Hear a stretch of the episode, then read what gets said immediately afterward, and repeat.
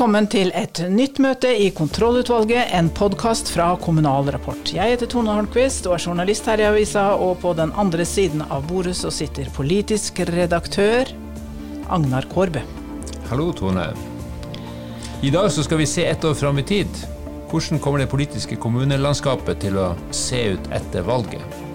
Og Derfor så har vi jo da fått besøk av valganalytiker Svein Tore Martinsen. Han har eh, fått samla inn og fått laget noen lokale målinger som fanger opp lokale velgerbevegelser. Så det blir spennende å høre hva han har å si om det. Og så må vi snakke om den eh, for øyeblikket pågående lærerstreiken. Hva skal til for at en regjering griper inn med tvungen lønnsnemnd? Vi spør forsker Kristine Nergård. Og så til slutt så skal vi se, har det noe å si? Hvordan politikerne sitter under kommunestyremøtet. Det spørs. Vi tar det opp under eh, eventuelt.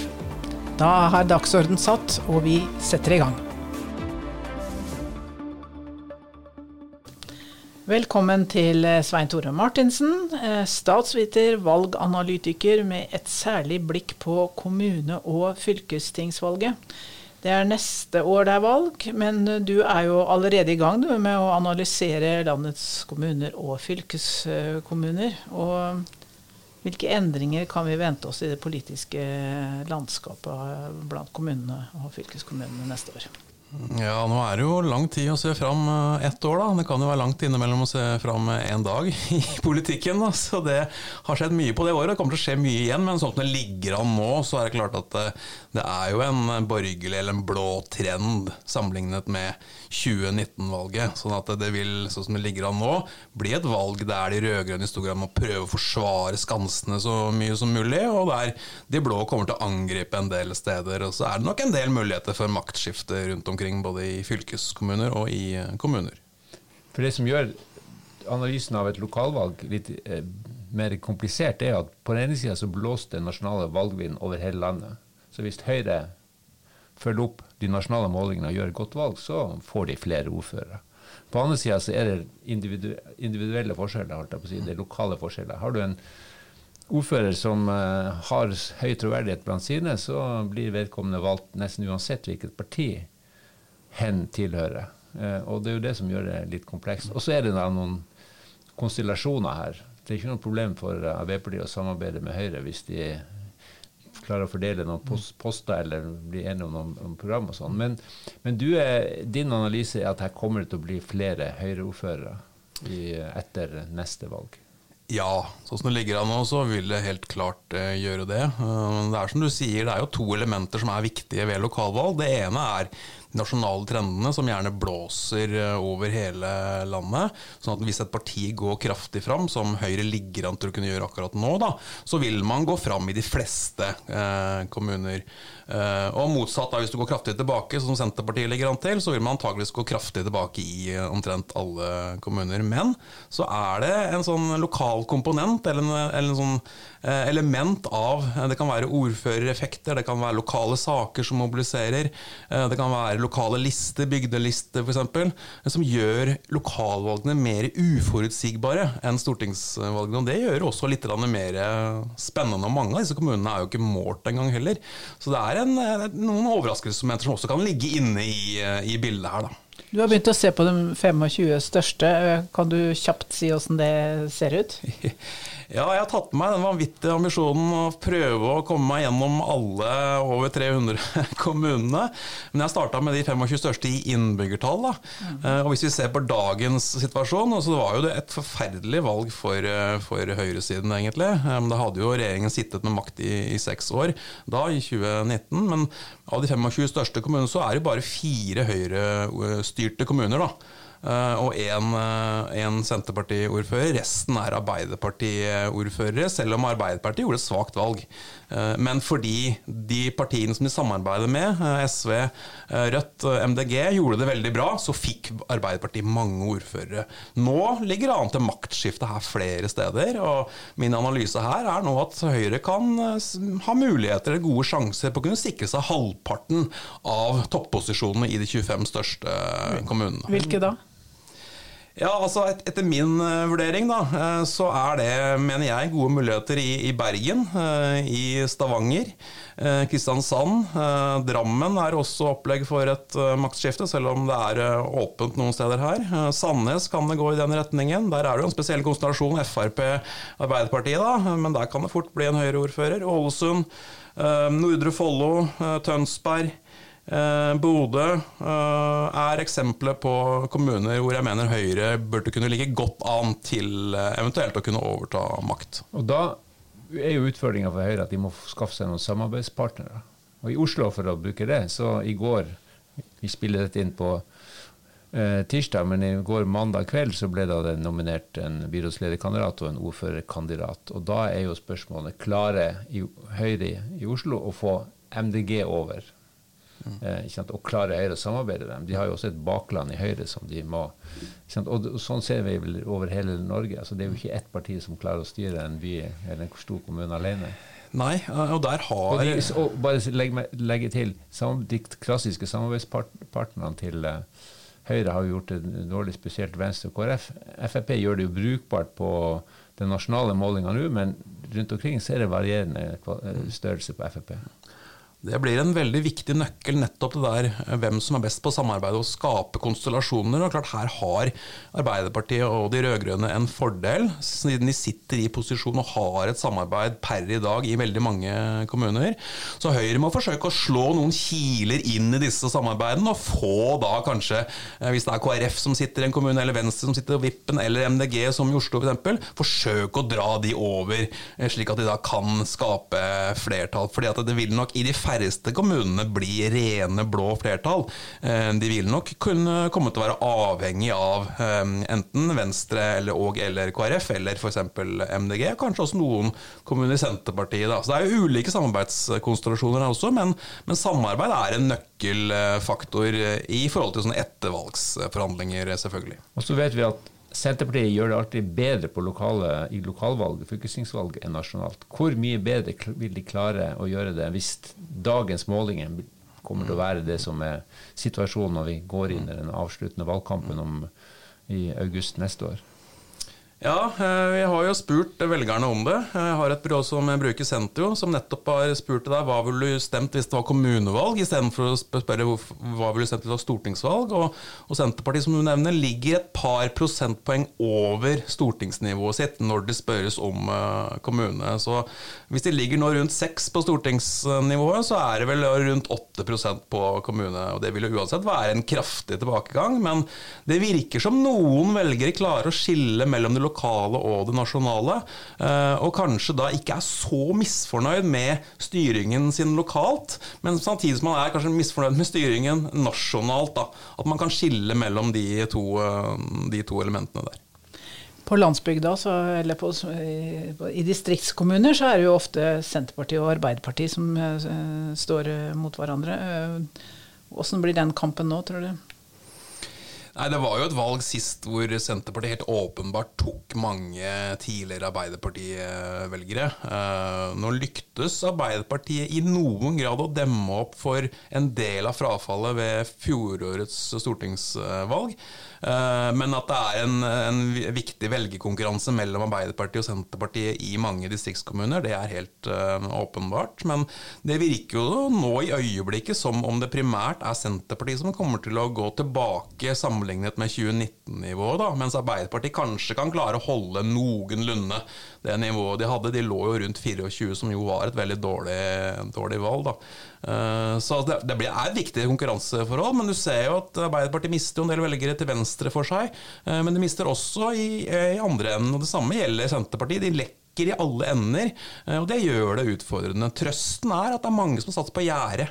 Mange tidligere Ap- og Senterparti-velgere særlig Senterparti-velgere som satser på gjerdet, og de er lettere å få tilbake igjen enn de som har gått til andre partier. Så det er nok et visst håp, men at, at valget kan bli vanskelig, det er jo, tyder jo alle indikatorer på uh, i øyeblikket. da.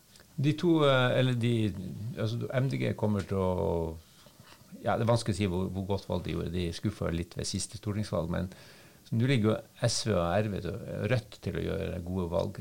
Kan de liksom marke, få markert seg litt mer i lokalpolitikken utover det vi ser i dag? Kan de få noen ordførere, noen flere posisjoner? Eh, det kan nok tenkes at de enkeltkommunene kan gjøre brakvalg og kunne få ordførerpost, men samtidig, det er jo noe med denne kjøttvekta og det å måtte samarbeide, må du gjerne samarbeide inn mot et sentrum, da. Slik at deres plassering på denne høyre-venstre-aksen gjør at de kan nok ikke håpe på all verdens mange ordførere. Eh, kanskje mer varaordførerposter og den type posisjoner, da. Men det er klart, i enkeltkommuner hvor de, hvor de står veldig sterkt, så kan man håpe på, på tet-posisjon. Eh, Ok, Svein Tore, du har eh, blikket stilt festa mot neste valg. Eh, de som er interessert i å følge dine analyser, de må jo abonnere på et sånn nyhetsbrev som du lager, som er spennende. anbefaler det. Der får man eh, som sagt den, egentlig det mest innsiktsfulle blikket på lokalvalget.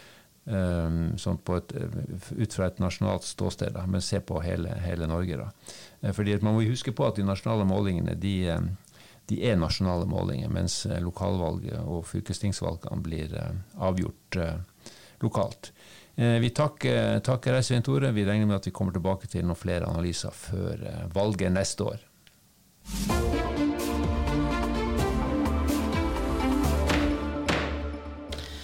Vi skal snakke med forsker på Fafo Kristine Nergård om eh, tvungen lønnsnemnd. Du forsker på organisering, tariffavtaler, lønns- og arbeidsvilkår, og nå er det mange som spør deg om tvungen lønnsnemnd, Nergård, eh, i forbindelse med lærerstreiken. Eh, hvilke vilkår må være til stede for at det skal bli tvungen lønnsnemnd? Skal vi begynne der? Ja, det, det er jo et eh, krav at arbeidskonflikten, arbeidskonflikten, enten det nå er en streik eller en lockout, skal ha alvorlige, samfunns, altså alvorlige samfunnsskadelige effekter. Og vanligvis så sier man da liv og helse. Mm. Det er også økonomiske konsekvenser man kan uh, ta inn ja, i det begrepet? Altså, vi har eh, jo en ganske lang tradisjon i Norge for å bruke tvungen lønnsnevnd når det er store streiker ute i Nordsjøen. Når eh, vesentlige deler av olje- eller gassleveransene blir eh, berørt. Nettopp. Men hva med lærerstreiken, hvor er vi nå i, i forhold til den definisjonen? Det vet vi jo ikke. Det er eh, Vi har, har jo stort sett kan du si, brukt eh, eller at man har stort sett brukt tvungen lønnsnemnd i streiker som berører helsevesenet, sykehus, eh, kommunale helsetjenester osv. Så sånn at det med undervisning det har vi ikke noen sånn tradisjon for å gjøre, i hvert fall ikke liksom, i de senere åra. Hvis man ser litt sånn historisk på det, så er det jo stramma inn. Man har blitt mye mer forsiktig med å bruke tvungen lønnsnemnd i konflikter som ikke dreier seg direkte om liv og helse i de senere åra. Så akkurat hvor denne grensa ligger eh, når det gjelder eh, lærerstreiken, er litt vanskelig å si. Altså, noen snakker jo om at dette her dreier seg om psykisk helse, og prøver ja. å på en måte si når er det liksom den grensa har gått. Men det har aldri vært noe Det har aldri før vært et argument for å bruke tvungen lønnsnemnd, psykisk helse? Nei, nå er det jo ikke noe sånn der, på en måte snakk om helsen skal være psykisk eller ikke. Eh, men det som er utfordringa her, er jo at det er ikke helsepersonell som er i streik. Eh, sånn at eh, kan du si det er andre som kan ivareta den psykiske helsa. Si at du hadde en sykepleierstreik f.eks., så ville det jo ikke være noe sånn forskjell om de pasientene som ikke fikk behandling, hadde en fysisk eller en psykisk uh, lidelse. Spørsmålet var ikke sant, at her er det på en måte helsepersonell som ikke er til stede, og dermed kan vi ikke ivareta uh, he helsa. Men her er det jo lærerne som er i streik, og de er jo ikke helsepersonell. sånn at uh, det vil jo være andre i kommunene som på en måte skal stille opp hvis det er eh, elever som har psykiske problemer. Så det må argumenteres på en litt annen måte hvis du skal bruke ja, lønnsnemnd i denne streiken. Hvordan må man argumentere for det? Tydeligvis at regjeringen prøver å finne noen argumenter nå. Det er det som er litt vanskelig, da, for har vi, vi, har ikke på en måte sett den type argumenter tidligere. Eh, så du kan jo på en måte argumentere ut ifra en litt sånn mer helhetsvurdering. At uh, la oss si belastningen helhetsmessig er så stor uh, ved at skolene er stengt ned.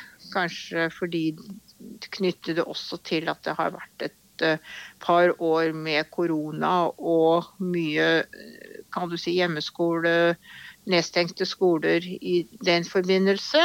Og si at liksom sånn helhets en helhetsvurdering tilsies at dette her er en for stor belastning på, på elevene. Ja. Da kan man jo også si på en måte deres psykiske helse, men man kan jo også se på er det sånn at man klarer å ivareta behovet for spesialundervisning. Eh, mm.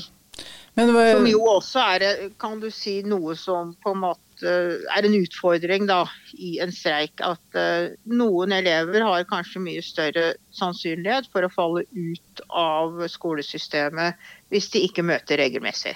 Ja, nettopp. Er vi nær en tvungen lønnsnemnd, sånn tror du? Jeg tror vi er ganske nær en tvungen lønnsnemnd. Jeg, jeg tror, men jeg tror at uh, Eh, både kunnskapsministeren og arbeidsministeren har fryktelig lite lyst til å gjøre det. De mener nok eh, veldig seriøst at dette her er det noe partene bør klare å ordne opp i. Og her ser man jo at det er jo to veldig eh, altså store profesjonelle organisasjoner som er involvert i denne streiken. Eller to, det er fire. Mm, ja. eh, altså tre lærerorganisasjoner da, og, og KS, eh, som har vært igjennom mange, mange forhandlingsrunder. Så jeg, jeg ville tippe at eh, holdningen er at vi venter så lenge som vi kan, fordi dette her er en eh, arbeidskonflikt som disse partene burde kunne klare å løse sjøl. Mm. Tusen takk til deg, Kristine Nergård på Fafo.